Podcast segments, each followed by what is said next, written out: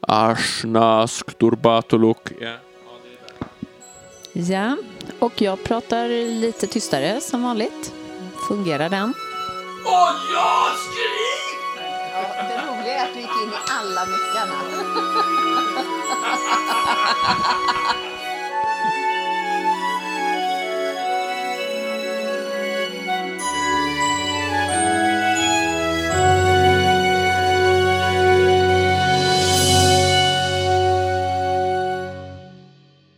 Hej och välkomna till det 34 avsnittet av Tolkienpodden.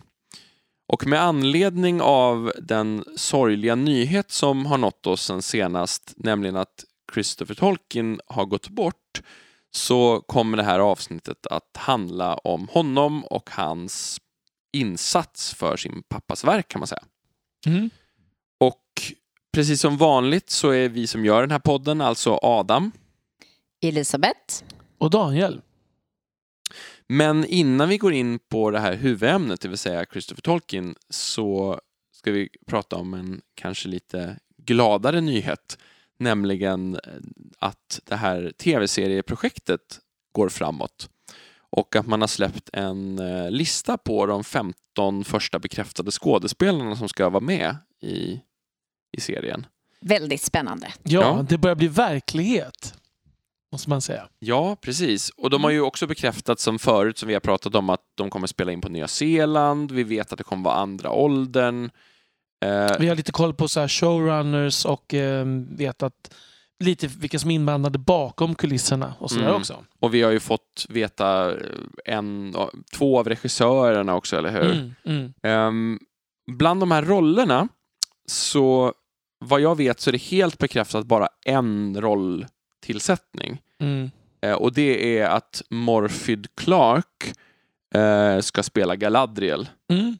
Eh, det verkar vara helt säkert. Ehm, Det var intressant för jag läste, det fick förstås allt som skrivs om det här får ju massa kritik förstås. Och då var det va? Men Alver åldras ju inte så då kan vi lika gärna ha samma skådis, vilket är otroligt puckad. eftersom Eh, hon har ursäkta. åldrats 20 år i verkligheten. Ja, förlåt alla som tyckte så, att jag kallade er för puckade. Men det är lite puckat. Mm, ja, men det är det faktiskt. Ja. Jag tänkte just säga att jag tycker att hon passar väldigt bra som det. Ja, Mm. jag tycker det. Hon är liksom, framförallt om man ser bilder på henne där hon är blond, så kan man se att så här, jag tycker verkligen att hon går och tänka sig som, ja, det är inte så jättelångt från Kate Blanchett. Nej, nej, precis. Ska- Ehm. Sen ju, får vi se hur hon spelar, det blir intressant. Ja, precis. Det, är- det är ju förstås det viktigaste, men utseendemässigt så kan jag tänka det. Mm. Ehm, hon har ju varit med bland annat i Pride and Prejudice and Zombies.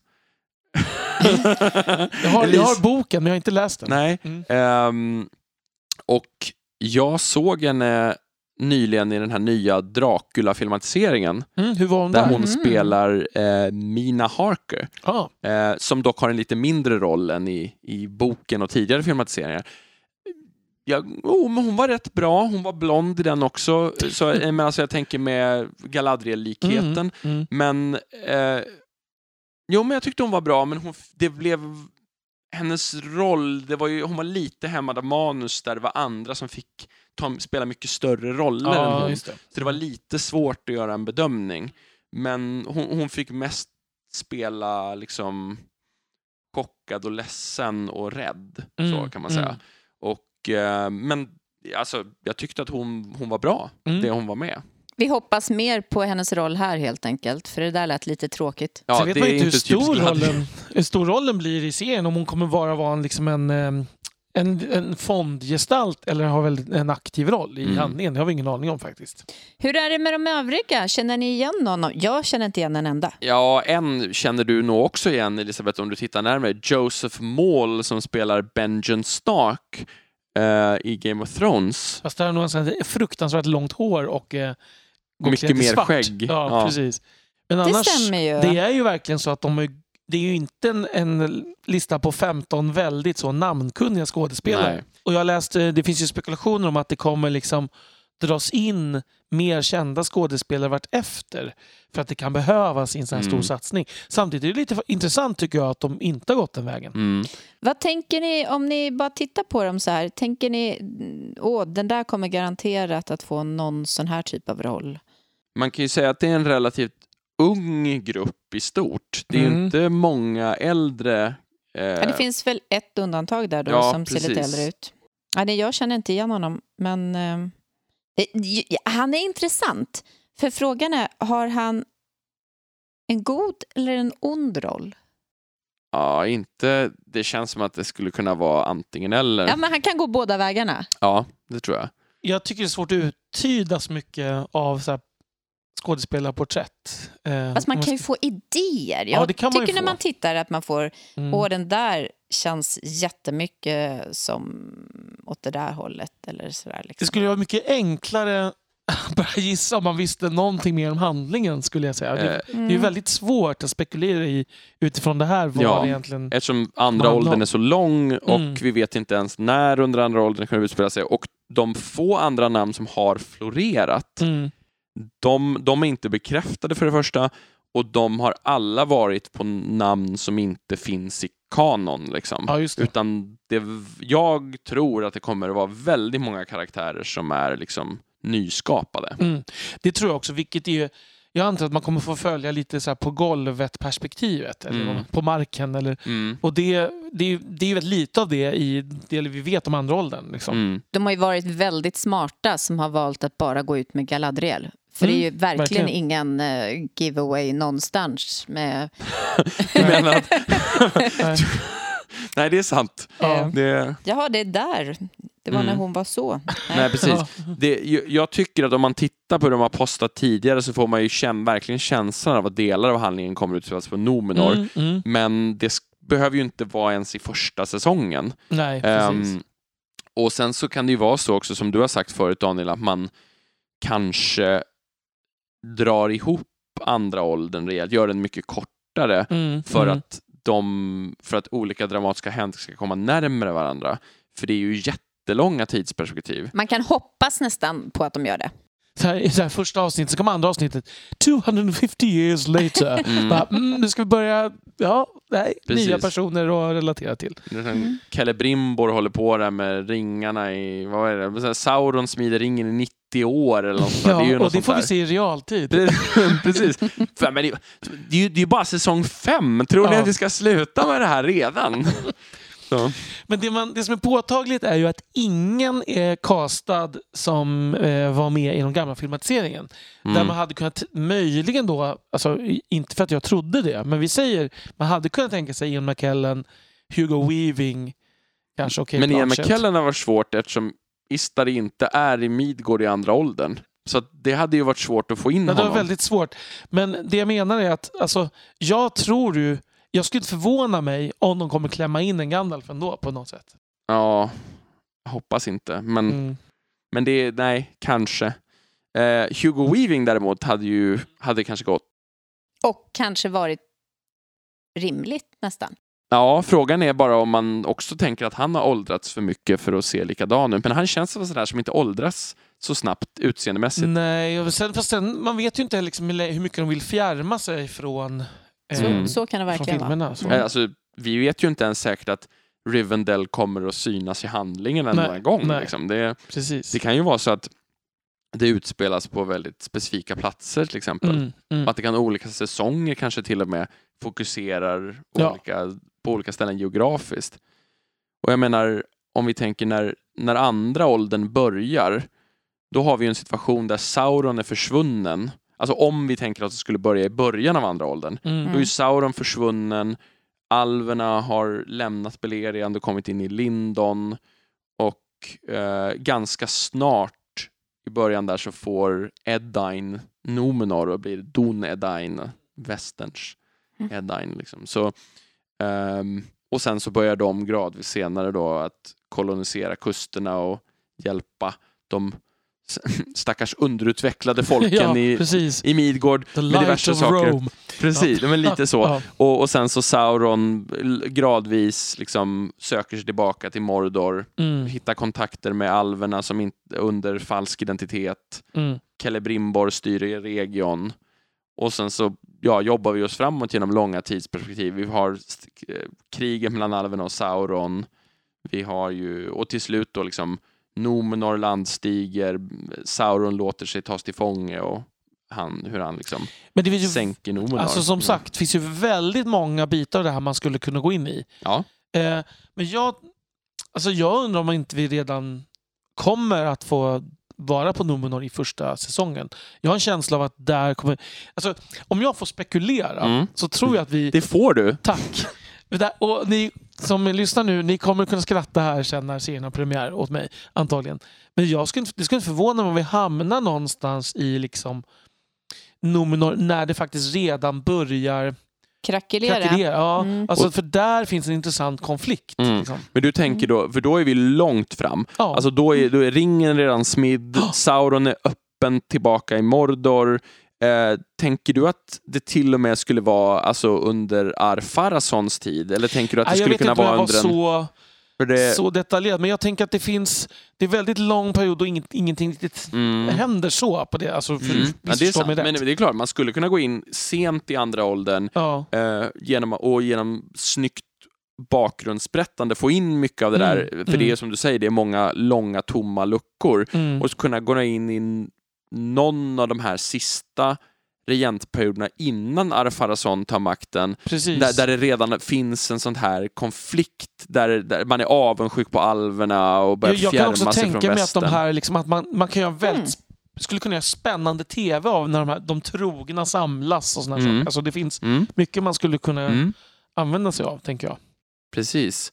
Jo, men, och sen så när, när Sauron anländer, Ja, precis. det skulle det Mm. bli en sån här shit Ja. Det kanske är eh, cliffhangern i slutet på säsongen. Nu är jag inne och tittar på de här bilderna lite... eh, Går in på deras sidor här och kollar och konstaterar att det finns en till som är med i ehm, Game of Thrones. Jaha, det hade jag nog missat. Eh, som spelar eh, ung Ned Stark. ja, jag visste Ja, ja. det är ju scenen i den här flashbacken och i det här Mm. tornet. jag. Mm, Mm. precis. Vi ska inte spoila för mycket kanske. Nej, det, det har du rätt i. Jag var på väg att fylla på där. Det hade jag kunnat klippa. Det, Det, Såna det är det är så nymodigheter. praktiskt. Mm. Ehm, men det var ju lite roligt. Och jag tyckte han var bra eh, Mm. i den, alltså de få scener han var med. Jag minns Mm. honom inte överhuvudtaget. Är det sant? Ja. Nej, jag tyckte att... Tittar Jag, man på bilden så, så känner du igen det. Mm. Eh, men han ser lite annorlunda ut. Med, Mm. men, men jag kan säga så här, jag har ju i och för sig sett hans stridsscen, som vi inte ska nämna vad den går ut på, eh, ganska många gånger i såna här, du vet så här, när man går igenom och fryser bilden var tredje sekund och diskuterar hur realistiska är de här medeltida stridsteknikerna. Att de klippen, de har jag aldrig sett. Nej, det Nej. anade jag nästan. En annan sak som jag lägger märke till när jag tittar här det är ju att det är par som faktiskt är barn. Och det är en spännande grej också. Ja, det är ju så, det, är ju det som är synd i um, Lord of the Rings, att vi inte fick med Bergil till exempel Mm. i, i filmerna. Men alltså, det är lite intressant. Men det är därför jag också menar att det, har man med barn, då är det ju för att det är något som står på spel, känns det som. Liksom. Men jag vet Mm. inte, det är min, kanske Ja. min svarta, mörka hjärna som... Det, man behöver liksom... Det kan inte bara vara lyckliga barn. Va? Så här, i största Vad allmänhet. säger du? Nej, jag förstår vad du menar. Ja. Men, men samtidigt så är det så att det är så svårt att spekulera i och med att de kan hitta på jättestora subplots Ja. helt i skuggan av de större händelserna. Så är det Mm. absolut. Eh, där, där det kan vara som att någonting som först efter flera säsonger knyts in i Mm. Mm. liksom, den ramhandling som faktiskt utgår från något Tolkien har, redan har skissat upp. Och nu förutsätter vi att det blir många säsonger. De har ju redan bekräftats för en andra säsong i alla fall. Eh, och jag tror ju att med det här pengamaskineriet i Mm. ryggen så är det svårt att se att det Absolut. inte skulle bli ett, åtminstone ett antal säsonger. Det var väl Jeff Bezos vars eh, telefon hade hackats av eh, kronprinsen av Saudiarabien tror jag. Så att, Va? Ja, Ehm, nej, men det är väl ungefär så långt vi kan komma just nu innan vi får lite mer ledtrådar Ja, från serien. Men ehm, ja, när, när vi börjar få bekräftade namn, för jag tänker vi kanske inte vill spekulera kring de namn som bara har på florerat. rollfigurerna tänker Nej, jag. precis. Ja, mm. Då kan vi åtminstone börja göra lite analyser som så här, vad låter deras tillhörigheter som? Liksom, Mm. Vilka folkslag låter det här som? Vilka språk är namnen på? Sådär. Eh, och då kanske vi kan börja dra lite slutsatser. Mm. Vi ser fram emot det. det. är- Det här är lite spännande faktiskt. Mm. Just att man inte vet vad det blir. Det, det är lite det som spänningen är. Verkligen. Och sen så får- kan vi göra så här lite specialavsnitt när serien kommer ut. Med Ja. så här avsnittsanalyser och sånt. Ja, vi har ju faktiskt ett stående inslag som vi även ska klämma in innan huvudämnet. Eh, Daniel, det är din tur.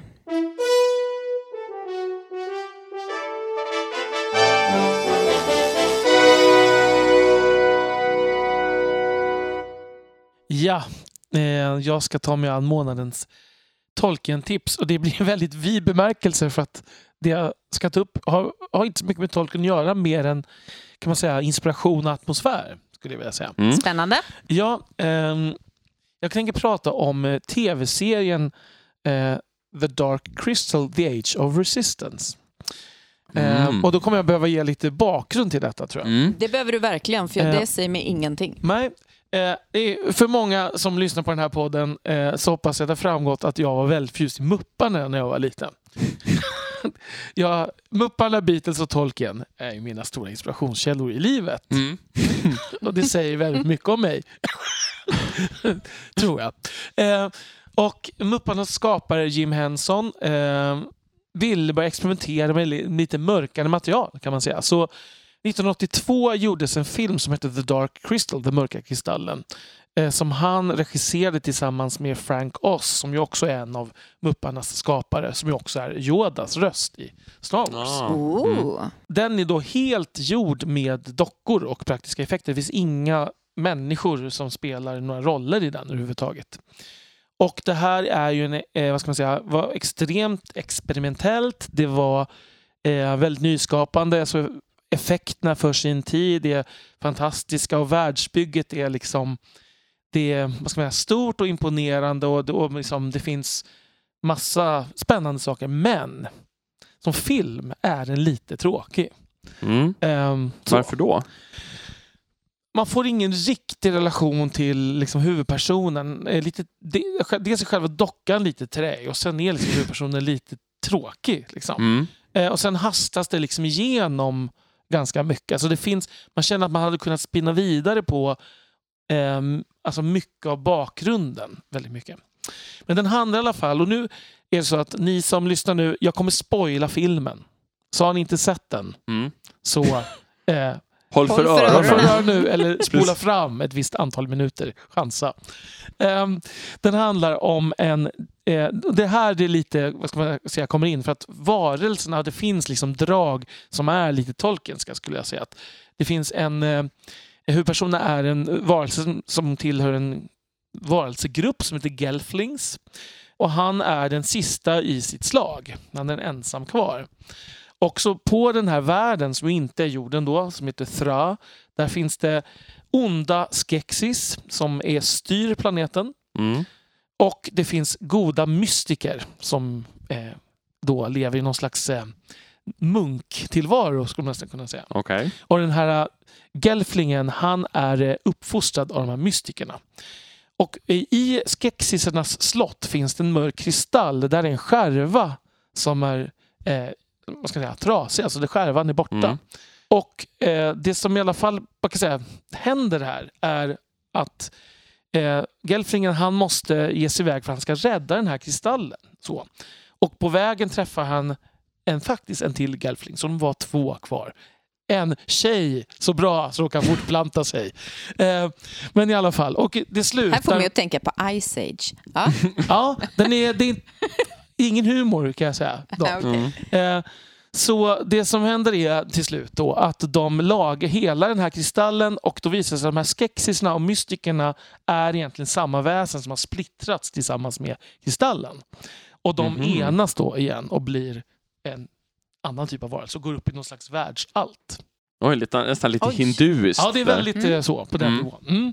Men den, och den här filmen blev liksom var, möttes av varierad kritik och har väl snarare blivit en sån här kultfilm. Så att några år senare gjorde han istället en film som heter Labyrint, han Jim Henson, som ju, där han då hade med David Bowie och Jennifer Connelly med alla dockor. Och med humor dessutom, som var mycket större succé. Mm. Men eh, någon gång då för ett par år sedan, eller det, för ganska många år sedan, så började man fundera på om man skulle göra en uppföljare till den här mörka kristallen. Som sen lades på is ganska länge. Men till slut så nappade Netflix på den här idén eh, att göra. Och då var det så att eh, Jim Henson Company, de tyckte att man skulle göra en datoranimerad version. Men Netflix, eh, alltså produktionsdelen av Netflix tyckte varför inte göra med dockor? Vilket är ganska ovanligt idag. Idag, ja. Mm. Mm.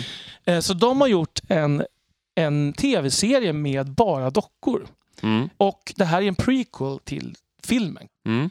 Så det det handlar om är att man får följa gelflingarna när de var en stor mängd. Liksom, och de var olika stammar som styrdes och, av olika kungar och drottningar. Och eh, ehm, de här skexisarna, de har fortfarande inte riktigt kommit ut som riktigt onda. kan man säga. Det är nästan lite så här Star Wars. Ja, det känns det är väldigt lite Star Wars. Rogue Mm. One. eh, Mm. i det, att, det, det som är lite tragiskt där är att man vet ju Att det kommer att, att gå det kommer illa. bara vara Ja. en kvar. Mm. Ja. Ehm, Två. Vilket, två, Mm. ja precis.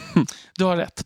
Ehm, för det som händer nämligen, och det här får man veta redan i filmen så det är ingen spoiler, det är att skexisarna, de, de är, i och med att de har liksom splittrats, så de lever i någon slags förfall, att de, liksom- deras kroppar håller på att gå, gå Mm. sönder och så. Okej. Och de inser att eh, de kan livnära sig på, eh, på gelflings. Alltså det, de suger ur musten ur Åh. gelflings helt enkelt. Eh, så man anar ju...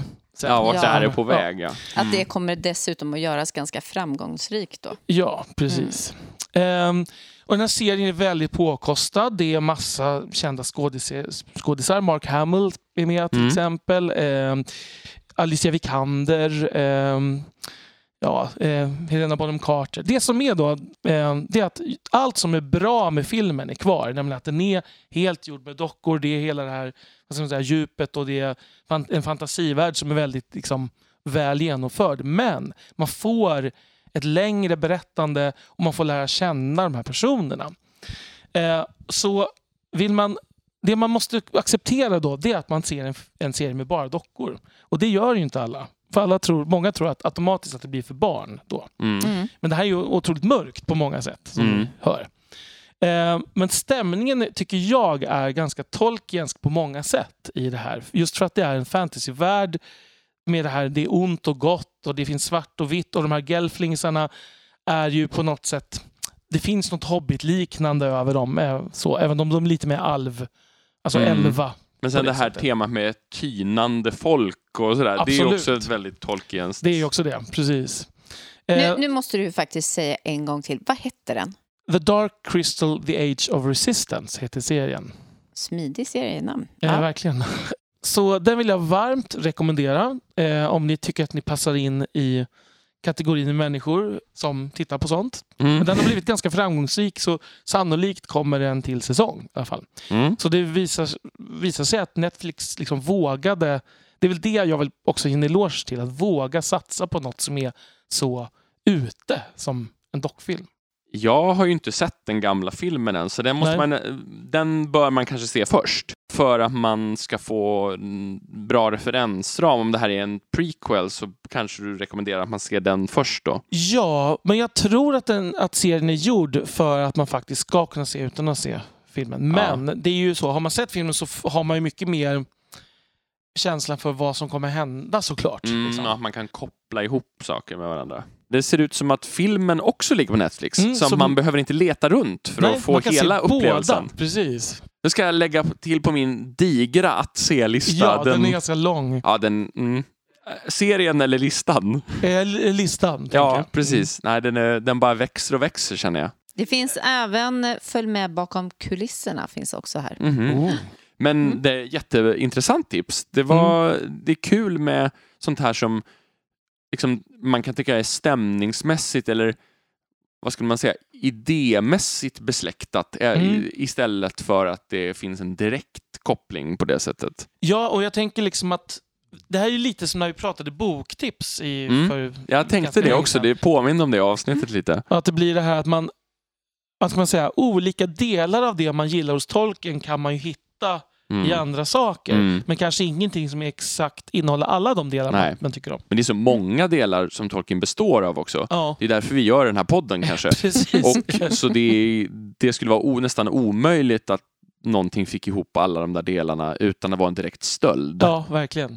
Eh, Det är väl därför det också är så att det är så många, det är så många facetter som gör att det går att prata så länge om det. Mm.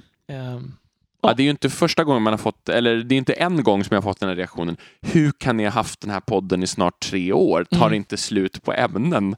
Och jag säger, nej men ämneslistan är längre precis. nu än vad den var när vi började. börjat, Precis. Ja, vänta Ja, ni bara. den är lång fortfarande. Ja, det, alltså, jag tror vi har lika Mm. många ämnen på listan som vi har gjort avsnitt hittills. Mm. Mm. Faktiskt. Så ni eh, får dras med oss ett tag till. Precis. Och sen om tv-serien kommer, då får vi massor med gratis ämnen. Härligt.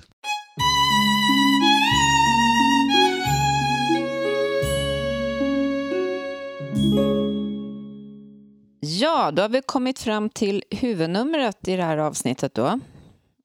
Eh, och eh, Christopher Tolkien, Tolkien, Tolk...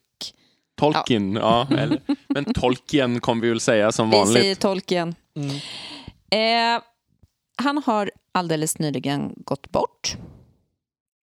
16 januari 2020.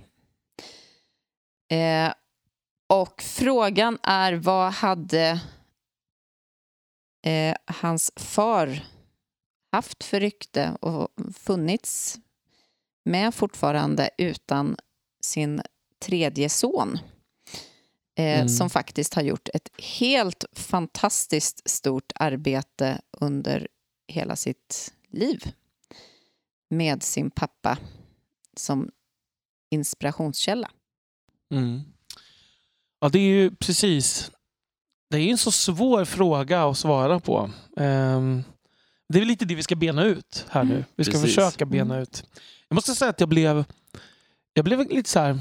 Det kändes för mig verkligen som en en epok gick i graven. Liksom. Mm. Det, även om Priscilla lever ju fortfarande. Mm. Men hon har inte varit lika involverad just i själva det litterära kvarlåtenskapen. Men det var ju mest han som var det. Ja. Alltså, Men det är som en länk till eh, pappan som försvinner verkligen tydligt. Och den, Mm. den, eller kanske den person som var honom närmast på väldigt många sätt, Mm. får man säga. Ja, och samtidigt som det är väldigt naturligt att eh, man går bort i den åldern Mm, så kan man ju fortfarande tycka att det är sorgligt. Ja verkligen. verkligen. Någonstans. Mm. Mm. Och med den åldern kan vi kanske säga att då, han, var född i, han var född 1924. Så att, 95 år. precis, Mm. Mm. han hann fylla 95 år kort innan han dog. Mm. Han var alltså Tolkiens tredje barn och yngsta son. Mm. Ehm, Född i Leeds. Precis, när, medan Tolkien arbetade där. Mm. Han eh, utbildade sen i Oxford. Han, när, under andra världskriget så blev, började han utbildas till pilot från 1943 och deltog sen lite grann i kriget sista månaderna under 1945. I flygvapnet var, Ja, flygvapnet. Var Mm. mest reservofficer tror jag.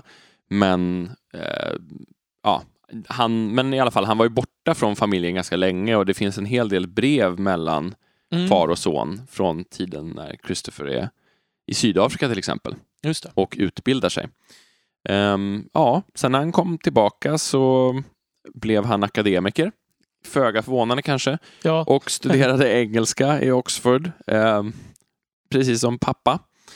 Och han har också skrivit en hel del om ja, men precis, precis sånt material som man förknippar med Tolkien. Mm. Ehm, fornnordiska en- del kring isländska och sådär. Men han har Mm. också eh, undervisat i engelska och forskat i engelska. Så att, Så han har jobbat även ja. i Oxford. Mm. Mm. Eh, bland annat på New College, ehm, som är ett av de äldre collegena som vi har nämnt tidigare. Ehm, han var ju också en medlem i Inklingarna faktiskt. Mm. Och jag läste det, alltså han är ju den sista Inklingen Mm. Dessutom. Ja, just det. eh, som nu har gått bort.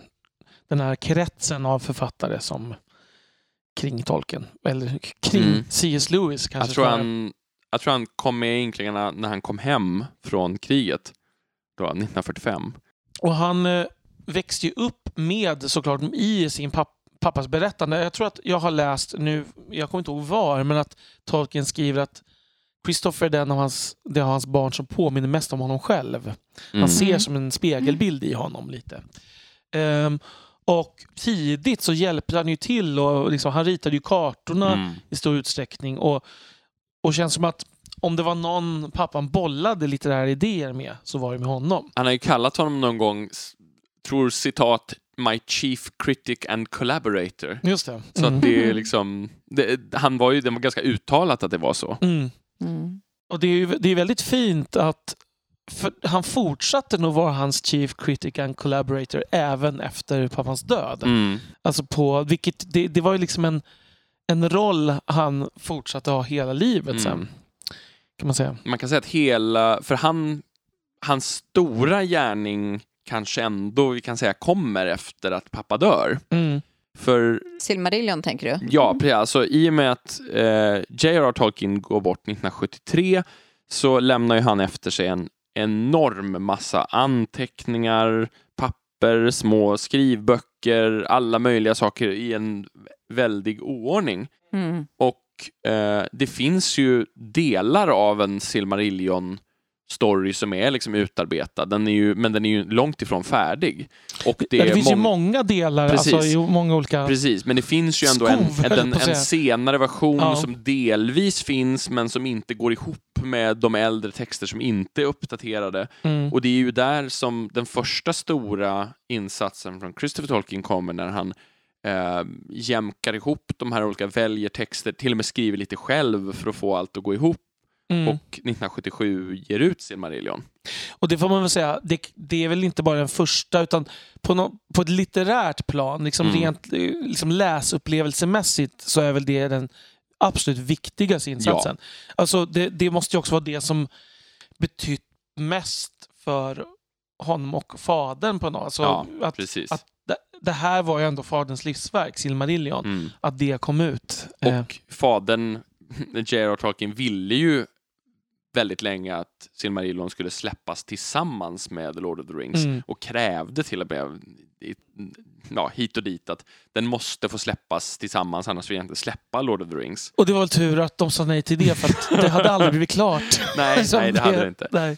Men, eh, men i alla fall, och det expanderade ju läsarnas Midgårds-universum något enormt när den Verkligen. kom ut 1977. Det, det är ju, alltså man måste ju tänka vilket arbete det måste ha varit. Just det här, alla så här osorterade manuskript och liksom maskinskrivna sidor och här och där och så alla dessa olika versioner som måste försöka jämkas ihop. Mm. Så att man, alltså det är ju så att vissa delar av Silmarillion, speciellt den här eh, Gondolins fall, Mm. den har han ju knåpat väldigt mycket på själv för att överhuvudtaget få ihop Jag tror han i princip har skrivit det kapitlet Mm, för att mm. det som finns, alltså det fin förutom extremt korta sammanfattningar så är det ju mest väldigt gamla textversioner som finns där som inte alls går ihop med det övriga narrativet särskilt bra och som dessutom är extremt inzoomat. På det. Som vi varit inne på tidigare. Precis, Ja. så det är ju all, det är ju mycket närmare berättat än vad Silmarillion generellt är. Så Ja. att där Sen- har han ju fått göra jättemycket. Sen ligger han bakom såna här runt små böcker som Mm. Sagor från Midgård. Och 1980 kommer han Finish Tales, ja. Ja, och, och där tänker jag att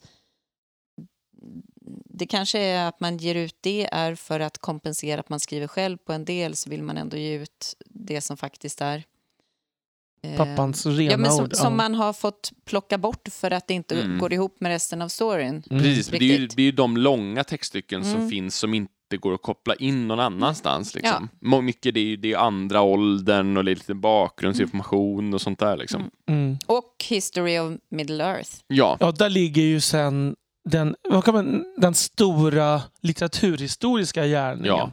Och, det, och den, ja, det läste jag också någonstans och det har ju vi pratat om tidigare men det, det är ju faktiskt en gärning som saknar helt motstycke i litteraturhistorien mm. i princip. Mm. Alltså ja. att en hel författares litterära gärning på något sätt undersöks. Och I av, tolv band. I tolv band av en person som dessutom har otroligt bra koll mm. Det, hade insyn i själva skrivprocessen dessutom. Ja, exakt. Ja, det finns klart mycket forskning på mycket mm. annan litteratur. Men här är ju liksom utkast och det, finns ju in, det kan inte finnas något liknande. Nej, så. precis. Och dessutom att han har liksom suttit och tittat så här. Här har pappa suddat ut något som stod innan. Mm. Men när jag skulle väldigt kunna noga, vara ett E. Ja, så tror jag att det är det här som står ja. under den ja. nästa version som ja. är skriven med bläck. Precis, sådär, liksom. som min mamma skrev rent. Mm. Precis, liksom. ja, men precis, det är verkligen så. så men, och, och detaljnivån är ju ibland nästan sjuklig. Ja. Alltså att vi kan få fyra versioner av samma lilla textstycke som är nästan identiska. Liksom.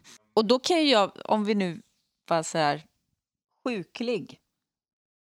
Det finns ju, det finns ju någonting otroligt vackert tycker jag i det här. Mm.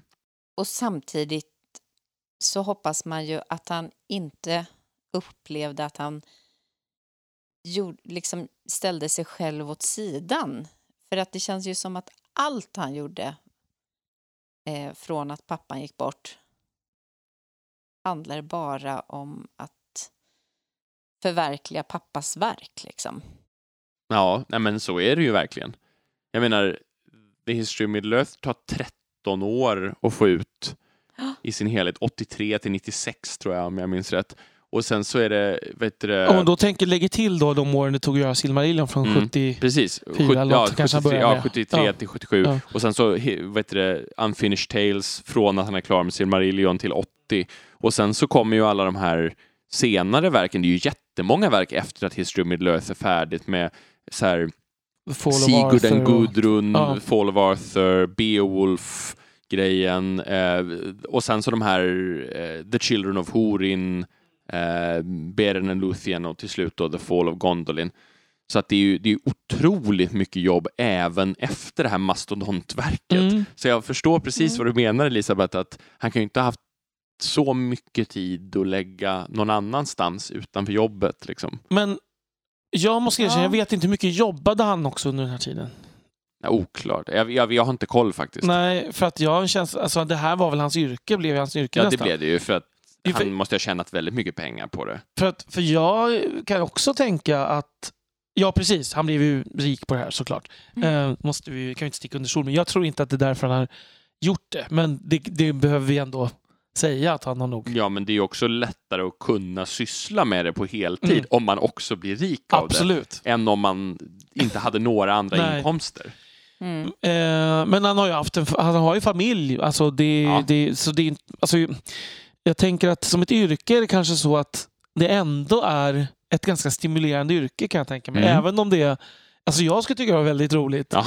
Eh, också att sitta och liksom forska. Liksom just en författare som... Och då är det dessutom hans far och han växte upp i den här världen. Pappan berättade de här sagorna. Alltså det... Nu kanske jag vad heter det, gör en... Romantiserar? Jag romantiserar den här bilden. Men, men lite på det sättet mm. tänker man ändå att det måste vara. Det är som mm. att man kanske också...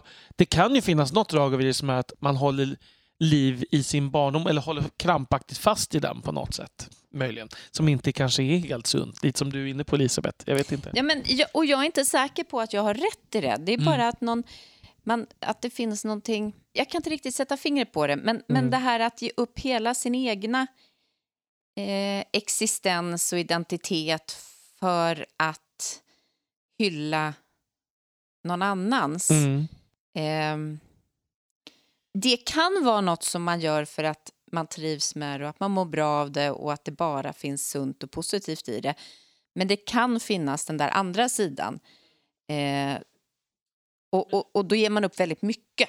Det undrar är om, jag menar det finns ju typ Shakespeare-forskare som säkert man enda man jobbar med är typ Mm. analysera Shakespeare eller Mm. så. Och det, då är det kanske för att man brinner för Shakespeare. Ja, precis. och, och där är det det som är, ligger bakom, är det det som är anledningen Mm. så är det positivt. Ja.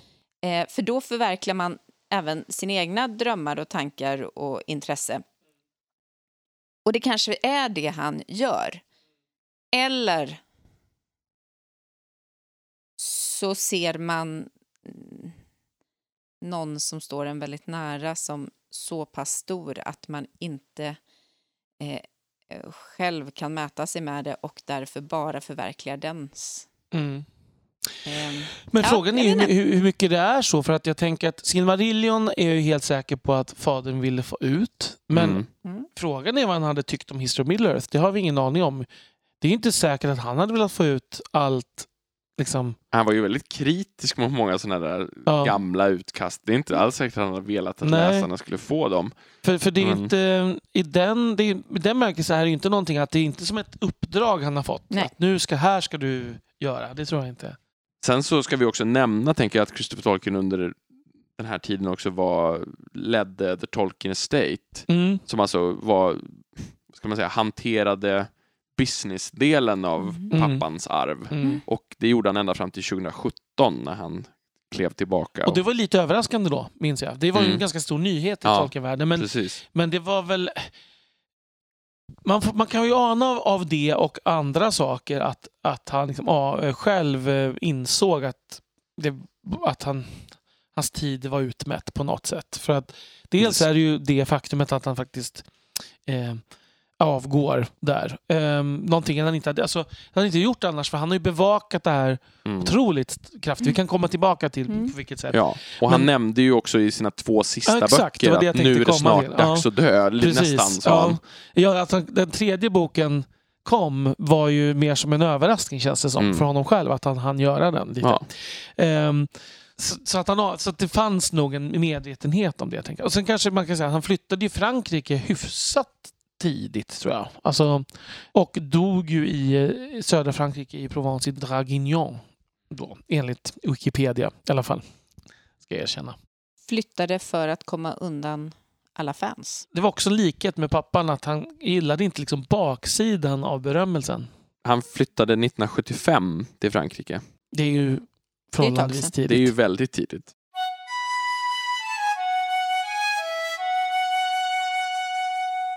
Vi kan, kan också kanske nämna att han, han i sin tur eh, hade tre barn. mm.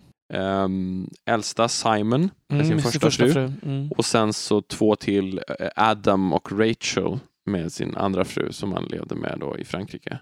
Simon och hans far var ju i ganska allvarlig konflikt. Och I han, luven på varandra. Ja, nej men alltså värre än så. Det var ju så att Christopher Tolkien liksom strök honom ur testamentet Mm, mm. och sånt där. Och att han liksom var helt Oj. utesluten. Och, men att de liksom De försonades. försonades ganska kort innan Ja. han dog tror jag. Alltså inte, inte så här jättes... Och, och det är han, Simon Tolkien som vi har nämnt tidigare, som har skrivit en bok bland annat inspirerad av farfars upplevelser i första världskriget.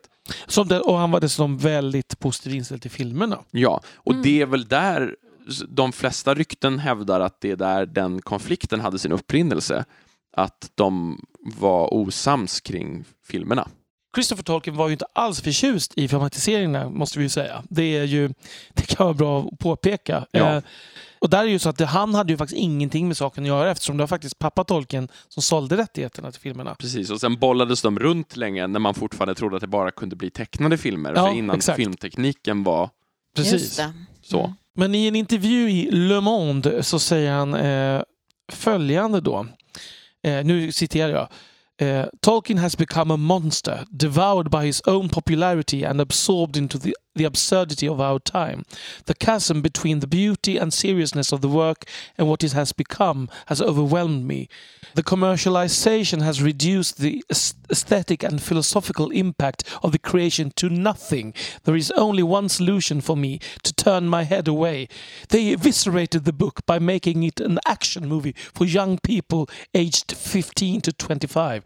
And it seems that, that The Hobbit will be the same kind of film.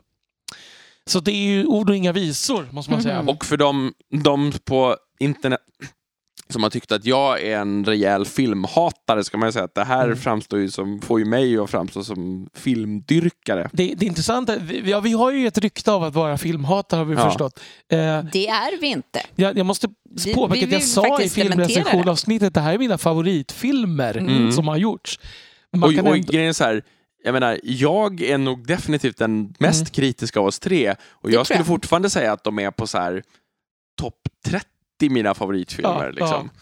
Så, Så- att det, det, ja, jag vet Ryktet inte. om vårt filmhat har här blivit Ja, överdrivet. däremot Hobbit-filmerna, Ja, där håller vi med. de, och Ja. där är så här, det, den kullen kommer jag dö på och försvara. De är, de är skit. Men, men de är fort, finns fortfarande många sämre filmer. Ja, nej, men grejen är så här, det finns som sagt, det finns bra saker i Hobbit-filmerna, men det finns mycket dåliga saker. Ja, absolut. Alldeles för mycket. Ja. Men jämfört med vår åsikt Ja. så var ju Christopher Tolkien helt skoningslös i sitt sågande. Ja, det måste man säga. Mm.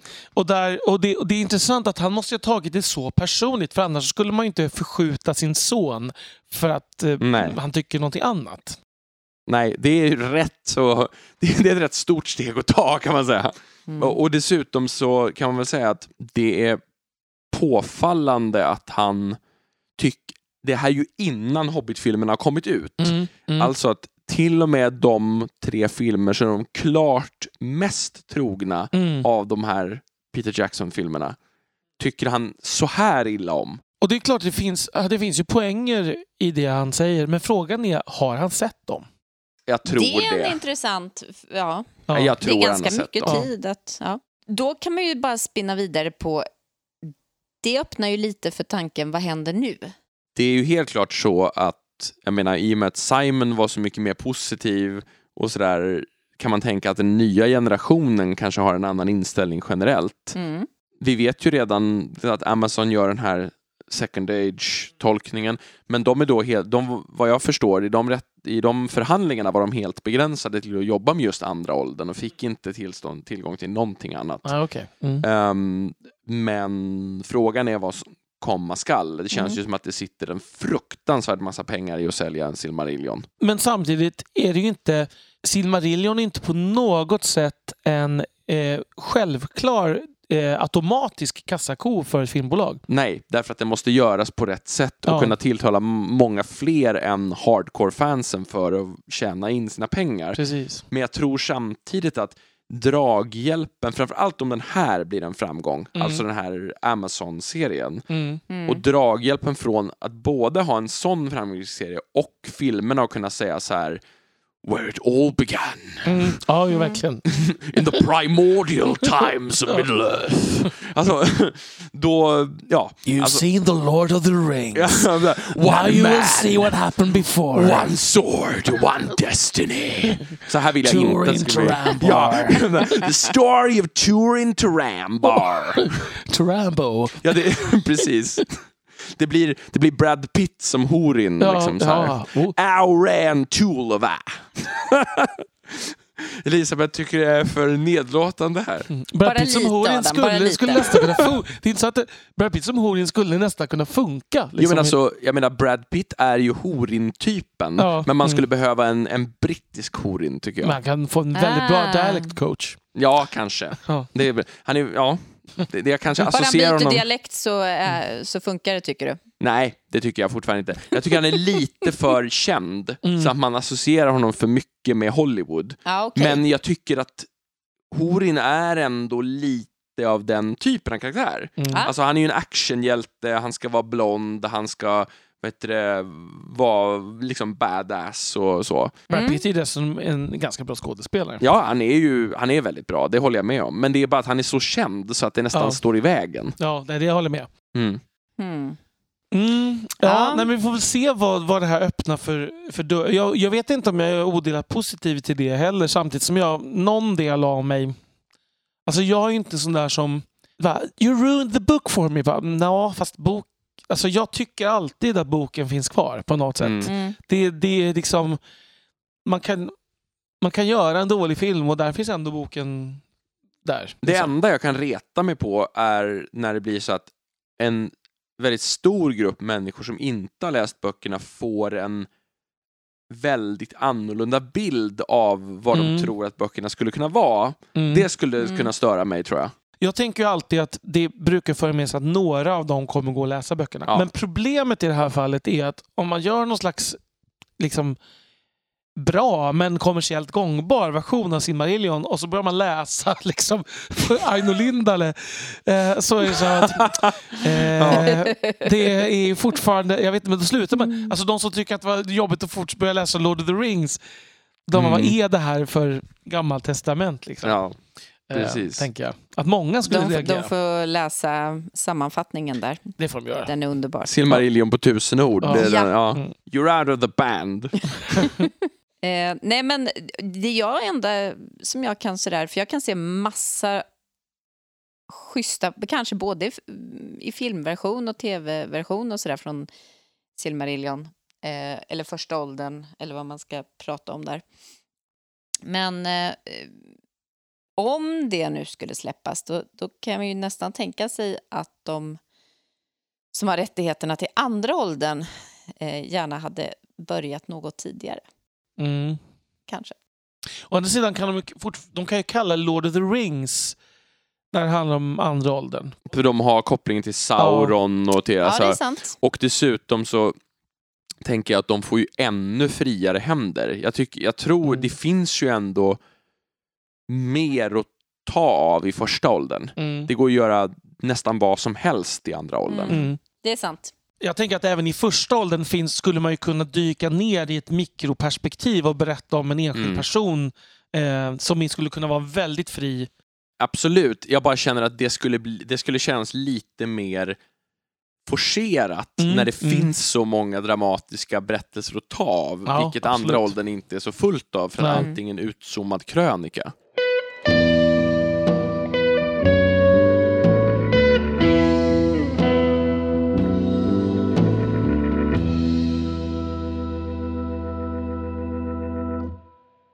En person som inte gillade Christopher Tolkien var ju Åke Ormarks. Ja, det... Det, det, här, det, det kan vara intressant att, att eh, veta ju att hur det här har gått till vet vi inte. Men enligt Åke Ormarks då så var, var han på besök hemma hos Christopher och fick lite hintar om Silmarillion. Och de här hintarna bestämde sig Åke Ormarks för att det här är en bra idé att ge ut. För att han tänkte att ordet privileged inte betyder att man ska hålla något hemligt utan att det var ett privilegium som bara han fick så att han Mm. skulle kunna sprida det här. Ehm, vilket är en rimlig tolkning. Det här skriver han själv. Mm. Ehm, och när då Christopher stoppar den här utgivningen så blir han ju fly förbannad och, eh, och när Silmarillion kommer ut så säger han att det här är träck i princip. Mm. Eh, det, här, det här kan inte vara vad fadern hade velat. Eh, det här är fortfarande på den tiden då han tycker att Tolkien var en bra författare men Christopher var ett litet kräk. Innan ungefär. han gick hela vägen till att Tolkien var skit och att C.S. Lewis hade spökskrivit allt som var bra i Ja, The. Lord of the Rings. Exakt. Dit han Mm. landade på slutet.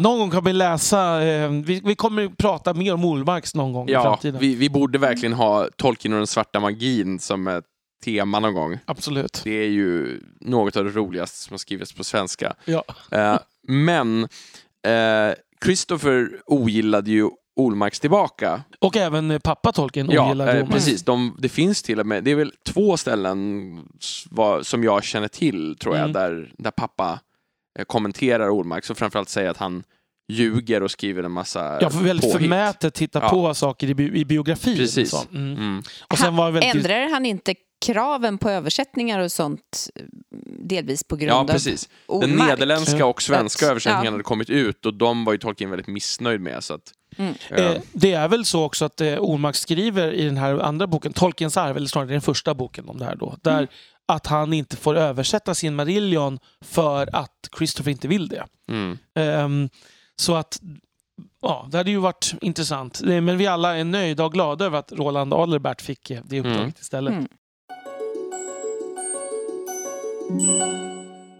Jag kan ju känna att det känns sorgligt att Christopher har gått bort, inte bara såklart liksom för att det alltid är sorgligt när någon dör, utan också för att det känns som, som du sa Daniel förut, att det är den sista riktiga kopplingen in, förstahandskopplingen Mm. in i de här, den här världen och kunskaperna kring den. Så nu känns det som att det kommer bli lite som med vilken författare som helst, att allt som kommer ut från och med nu kommer behöva vara framforskat. Mm. Och man, någonstans så sitter man ju på någon sorts hopp om att det ska finnas fler avslöjande passager nedskrivna någonstans som bara inte är ordentligt genomgångna än. Mm.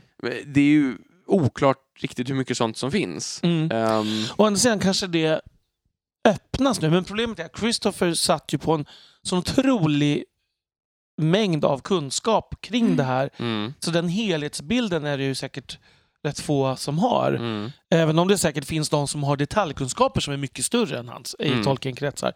Eh, men som sagt, det skulle kunna vara så att, att det, på gott och ont så öppnas kanske någonting nu. Att det kan vara så att det finns Tolkien-forskare som skulle kunna få tillgång. Det beror på vad som händer med allt material. Eh, men kan få tillgång och liksom kan forska vidare och liksom se för det är också så att det är väldigt ovanligt att en forskare har monopol på ett Mm. forskningsområde. precis. Som det har varit nu Mm. i princip. Fast jag tänker ju Nästan. Nästan. samtidigt Ja, det- så är det ju lite också sådär att han var ju väldigt produktiv under sista delen här av sitt liv. Han Mm. gav ut eh, flera böcker och eh, om det hade funnits något material så kändes det ju inte som att han ville sitta på det Mm. sådär. Så, så i så fall tänker du att det finns något som han inte kände till? Jag kan tänka, nja, alltså jag tänker, kan tänka två saker. Dels att det kan finnas saker, alltså andra passager och sånt som faktiskt... Alltså men han var också gammal och trött på slutet, tänker jag. Mm. Precis som fadern. Jag tänker, men det kan ju finnas saker som inte har kommit till ljuset än. Mm. Så. Men det kan och också vara så... osorterade bits and pieces Ja, liksom, som ja. man bara skulle kunna, ja, som kanske kan vara spännande på en väldigt, väldigt smal, lokal ja. sätt. Men jag tänker också att det skulle kunna vara att andra kan eh, hitta andra ingångar i materialet och kanske se att den här tolkningen som han gjorde här stämmer inte. Alltså, vi, jag, vi kan här nu komma fram till att den här texten egentligen skrevs före den här. Mm. Eh, och sådana saker som, som, som jag har haft svårt för andra att, att riktigt Mm. komma in på nu. Precis. Mm. Fram tills nu. Det jag också tycker är synd är att Christopher Tolkien aldrig skrev en mer, och det är ju såklart att det valde han väl att aldrig göra, men jag hade verkligen uppskattat om det fanns en sorts personligt hållen bok om vad, de här, vad den här världen betydde för honom och hur han Mm. såg den och hans liksom, vilka känslor han fick av den som en sorts populärvetenskaplig sådär, genomgång ut, utan så här, cit, jättemycket citat eller så, utan mer så här, liksom, det här är min bild. För som sagt, han är ju så otroligt kritisk mot filmerna, Mm. men han specificerar inte exakt vad det är han har emot dem, utom att de har blivit liksom actionfilmer. Mm. Och jag hade gärna velat liksom höra de tankarna utvecklade, hur, liksom, hur han reflekterade och kände och tänkte kring liksom, kopplingar, referensramar, ungefär som en sån här annoterad version fast Mm. hans personliga associationer. Och, Det hade ju varit otroligt Mm. intressant. Ja, det hade jag verkligen uppskattat om det fanns, men det, Det är svårt att tro. du menar men att jag alltså- hade uppskattat det? Nej, nej, nej, nej, nej. Men att det skulle dyka upp. Mm. Ja, ja, nej, nej, nej, nej, det menar jag inte. Jag menar bara så här, det är synd att han aldrig skrev en sån bok. Ja, För det hade jag Absolut. verkligen liksom... Det tror jag hade varit extremt givande för att The History of Middle Earth är ändå bunden av texten. Den är så tydligt så här textkritiskt och liksom eh, vetenskaplig. Ja, han vill ju inte vara... Jag tror han vill ju inte vara ett filter. Han blir ju ett filter, självklart. Ja. Det blir man automatiskt. Men jag tror att han vill inte vara ett filter i, i den. Så. ehm, Men jag hade uppskattat att han liksom någon gång gick hela vägen åt andra hållet och så här, så här såg jag på allt det här. Så här kände jag inför det. Det här tyckte jag bäst om på grund av det här och det här. De här kopplingarna och associationerna gör jag när jag läser de här bitarna. Och det här sa pappa, bla bla bla, när han skrev de här kapitlen. Det hade ju varit fantastiskt mm. om det fanns. Mm. Kan man tänka sig att något eh, barn, det vill säga barnbarn, Mm. eh, kan plocka upp en sån tråd Kanske. Kanske har- Simon Tolkien är ju författare så att det är Mm. kanske inte omöjligt. Det kan också vara intressant är ju om, på sikt, nu pratar vi om ganska många år då, men, men det kan ju vara så att det kommer ut alternativa versioner av Silmarillion. Mm. Alltså att man går tillbaka till urtexten och gör, alltså att någon, ungefär som att det finns ju rekonstruktioner av Mahlers tionde symfoni till exempel. Han Mm. lämnar bara skisser eh, och det finns ett antal rekonstruktioner som är olika. Så. Eh, så skulle det mycket väl man kunna göra med Silmarillion också, att Mm. någon väljer att sätta upp det på ett annat sätt. Precis, det var ju till och med saker som, som Tolkien själv ångrade, eller Christopher Tolkien själv ångrade Mm. efter utgivningen. Att han, han var osäker på till exempel så här, vissa släktrelationer. Om jag inte minns fel, Finrod och Rodreth ändrade han sig fram och tillbaka för att pappa ändrade sig fram och tillbaka kring hur de skulle hänga ihop och sådär. Så här, alltså, och där tror jag att i vissa fall så blev han så osäker efter att den faktiskt var släppt och klar. Att kanske jag borde ha liksom använt den andra Mm. versionen. Sådär, så att det är ju inte o... Däremot så tror jag inga, liksom, det skulle inte vara några gigantiska förändringar. Nej. För vi har ju de här liksom Sketch of the Mythology och alla de där. Tolkien gjorde ju många sådana här sammanfattningar av ramhandlingen i Silmarillion. Mm. Så de stora dragen hade han ju väldigt klart för sig. Sen är det väl liksom på mer detaljnivå som saker skulle kunna ändra på sig idag.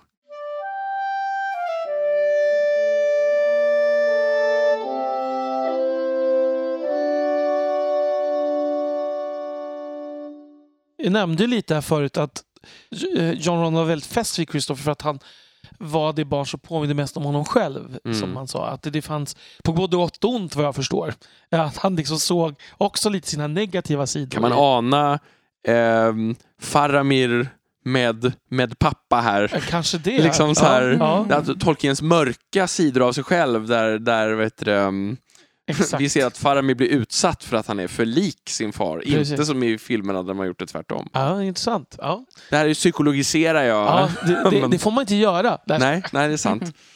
Jo, Mm. det får man. Adam nämnde tidigare alla de här breven som skrev till varandra. Som är ofta, de är väldigt personliga och man märker att de står varandra väldigt nära. Eh, så. Och när man, det är intressant tycker jag, när man ser bild, bilder på Christopher tycker jag att han är å andra sidan en mix tydligt av sina båda föräldrar. Mm. Eh, rent utseendemässigt.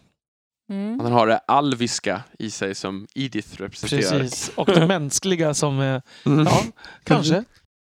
Ja, det var någon bild som jag såg som jag tänkte just att han är väldigt lik sin far i alla fall. Jag undrar hur det var med Christophers tro. Är det någon som vet någonting om den? Jag vet ingenting ska jag känna. Nej, hans bror blev ju präst. Mm. Men jag vet inte. Nej. Nej, för att jag tänker i alla fall att pappa Tolkien var ju, var ju övertygad om att de skulle ses igen. Mm. Så vi kan ju, Mm. oberoende av vad man själv tror, så kan man ju på något sätt hoppas att, de, att det är som i Terry Pratchett's böcker, att det man själv tror det är det som inträffar. Mm. Ehm, vilket gjorde väldigt fint i det här fallet. Och jag tänker jag ska läsa upp Väldigt lite. tråkigt för mig.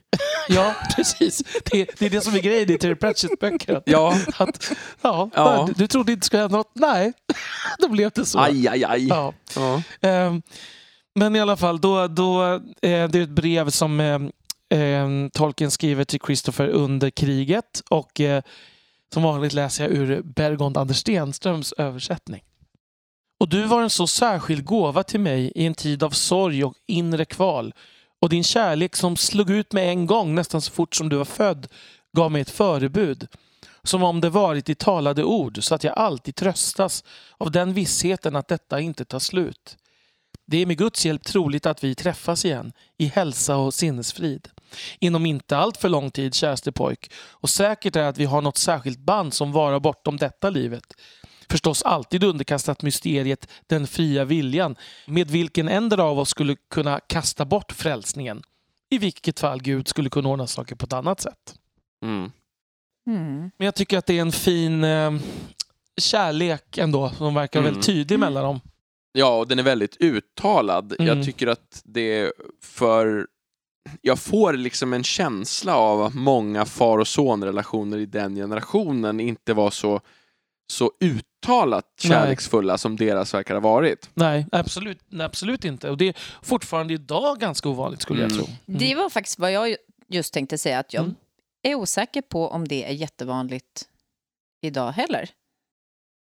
Har ändå en känsla av att åtminstone i Sverige så är det lite i förändring i alla fall. Absolut, det är Ehm. vanligare, men, men eh, jag tror att det där har rört på sig ganska långsamt. J.R.R. Tolkien verkar ju ha varit en mycket, det har vi nämnt förut någon gång, men han verkar ha varit en mycket mer mm, liksom, närvarande förälder än vad man kanske skulle kunna tro. Mm. Och att även om han hade kanske den närmsta relationen med Christopher så har vi mycket pratat om deras vuxenrelation eh, tidigare, men eh, de här Father Christmas Letters till exempel, som ju eh, Christophers fru faktiskt har varit med och gett ut. Mm. Så det, där har han ju, det känns ju som att han verkligen har, har en personlig koppling till dem och gärna ville att de skulle, Mm. skulle ut. komma Ja. ut. Liksom. Mm. Så det känns som att det här var en, en, en familj som överlag hade nära band och att Tolkien nog, alltså J.R.R. Tolkien nog var en varmare person och en varmare pappa än vad många tror jag skulle kunna gissa som inte har så stor insyn. Mm. Jag tror till exempel att många som, alltså som jag har pratat med, de har bilden av att han måste ha varit en torr och lite opersonlig person. Professor... Ja, eh, extrem professortyp och så nördig så att han knappt vet, så hade Mm. någon, någon, någonting kvar till sociala relationer. Så. Men kan det inte vara av en sån anledning till att man ger ut de, eh, de eh, breven? Ja, för, för att För- nyansera Ja, bilden. precis, Mm. tänker jag.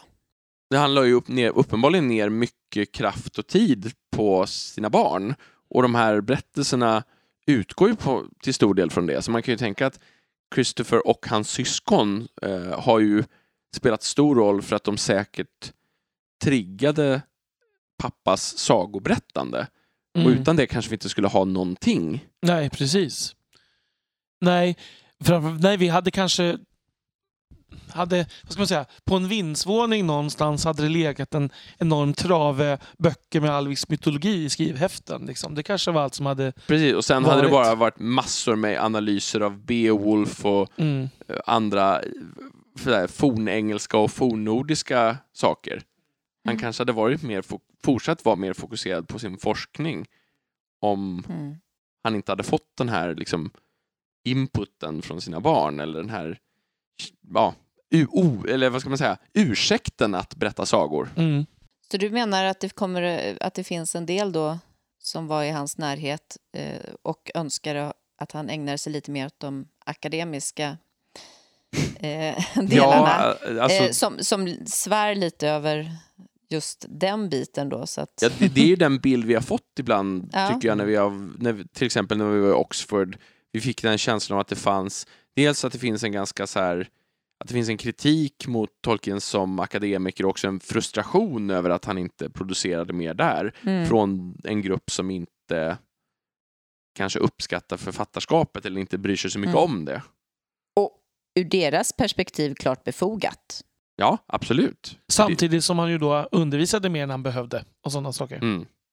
Precis. Men att just liksom att producera forskning, tror jag, Det är intressant för jag tycker det tyder ju på att han snarare var mer en social person än en person som gjorde klart saker. Mm, Alltså, absolut. Mm. Jag tror att, jag tror att det, det, därför den här bilden, jag tror inte att den stämmer alls. För att det som alltid la så att säga, hinder i vägen för hans jobb och hans böcker, det var ju alla människor han träffade. Mm. Och, alla, och sen när han blev äldre, all fanmail han skulle svara på. Mm. Det hade han ju verkligen inte behövt göra. Nej, precis. Men jag tänker att det lever fortfarande kvar en bild utifrån Mm. Ja, ja, av, av hela paketet Tolkien Mm. som hämmat och liksom extremt fyrkantigt. Mm. Fast det, Mm. det handlar väl om att man har fördomar om människor som är superspråkintresserade och eh, professor.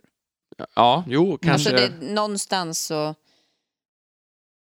Ju mer akademiskt och insnöat och mm. sådär puttinuttigt. Eh, ju, ju svårare tänker man att den där sociala kompetensen... Ja, kanske. Eh, Någonstans så tror jag faktiskt det. Mm. Sen var han ju i och för sig också rätt blyg, om man har förstått. Mm. Så att det kan ju Ja. också bidra till den bilden då i så fall. Mm. Christopher, har vi någon bild av ho- honom som person? Ja, det finns ju en gammal dokumentär om eh, Tolkien från 90-talet som jag har på VHS. Mm. Eh, för er som inte vet vad det är ungdomar, ni får googla. eh, eh, jag kan säga som Youtube i plastlådor. Kan man säga. Eh, och, och där, är det, där intervjuas han väldigt, eh, alltså väldigt stor del av programmet är intervjuer av honom. Alltså ska man säga, min bild är av en person som är lite Eh, nu, nu kommer jag få hela Tolkien-världen emot mig kanske. Men, men artig, belevad, något fisförnäm äldre. Han är redan där en äldre man. Mm. Ehm, men liksom och noga med ordval och, och så. Och just som sagt, i den då också väldigt liksom, gått in i helt i sin pappas... Liksom. Men då är det, handlar ju den om, om pappan, Mm. dokumentären. Den är för övrigt väldigt väl värd att se om man Det kan rätta fram den. Precis vad jag reflekterade Mm. över. Jag kanske ska försöka få tag på den. Mm. kanske kan komma ett specialavsnitt Mm. om, om dokumentären. Ja. Går den att få tag på i annat än... Ja, eh, den skulle ju kunna finnas på liksom digitala Youtube Mm. också. Inte bara plastlådan Youtube. Precis. Jag är rädd att jag inte har någon plastlådebox kvar längre. Nej, Eh, men vi, vi får se. Vi kan Mm. försöka skramla fram den Mm. kanske. Mm. Om inte annat så, så gör vi en kulturgärning genom att försöka bevara inne, Mm. innebörden i den även om ingen annan kan få tag Nej, på den. precis, precis. Jag kan återberätta hela. Precis. Vi kör Mm, men realtid. spännande. Exakt. Det börjar bli dags att avrunda det här avsnittet, men eh, innan vi gör det så kanske vi vill eh, ändå titta lite framåt. Och då var det ju så här att för några veckor sedan så kom Daniel på en briljant idé som vi ska göra i alla fall. Mm. Eh, och om ni är fler som bor i Stockholm kanske ni också är där. Det är torsdag den 19 mars så är det en konsert på Göta Lejon i Stockholm. Och då är det en konsert som- heter The Lord of the Rings and the Hobbit The Concert. Och då är det eh, den eh, fantastiskt kända The State Academic Symphony Orchestra of the Republic of Belarus som ska spela. Ja, men det är, de ska alltså spela musik från filmerna. Men det som kanske lockar rent liksom, artistnivåmässigt så är Billy Boyd även där. Mm. Vilket är ju lite roligt, måste man säga. Mycket. Eh, så det är eh, stor symfoniorkester och kör och två eh, akter, ka- kallar de det. Så vi bestämde oss för att gå och titta på den här konserten. Eh, så Vilket det ska kan bli bli- kul. Ja, verkligen. Mm. Och det kommer ju då att kanske resultera i aprilavsnittet. Ja, exakt. Tänker vi oss. Mm. Mm. Innan april så finns det ju mm, fler månader. Precis, det är korrekt. Nämligen, så, rätt, närmare bestämt en. Ja. Mm. ja, det är ju den här som kom nu, Ja. idag.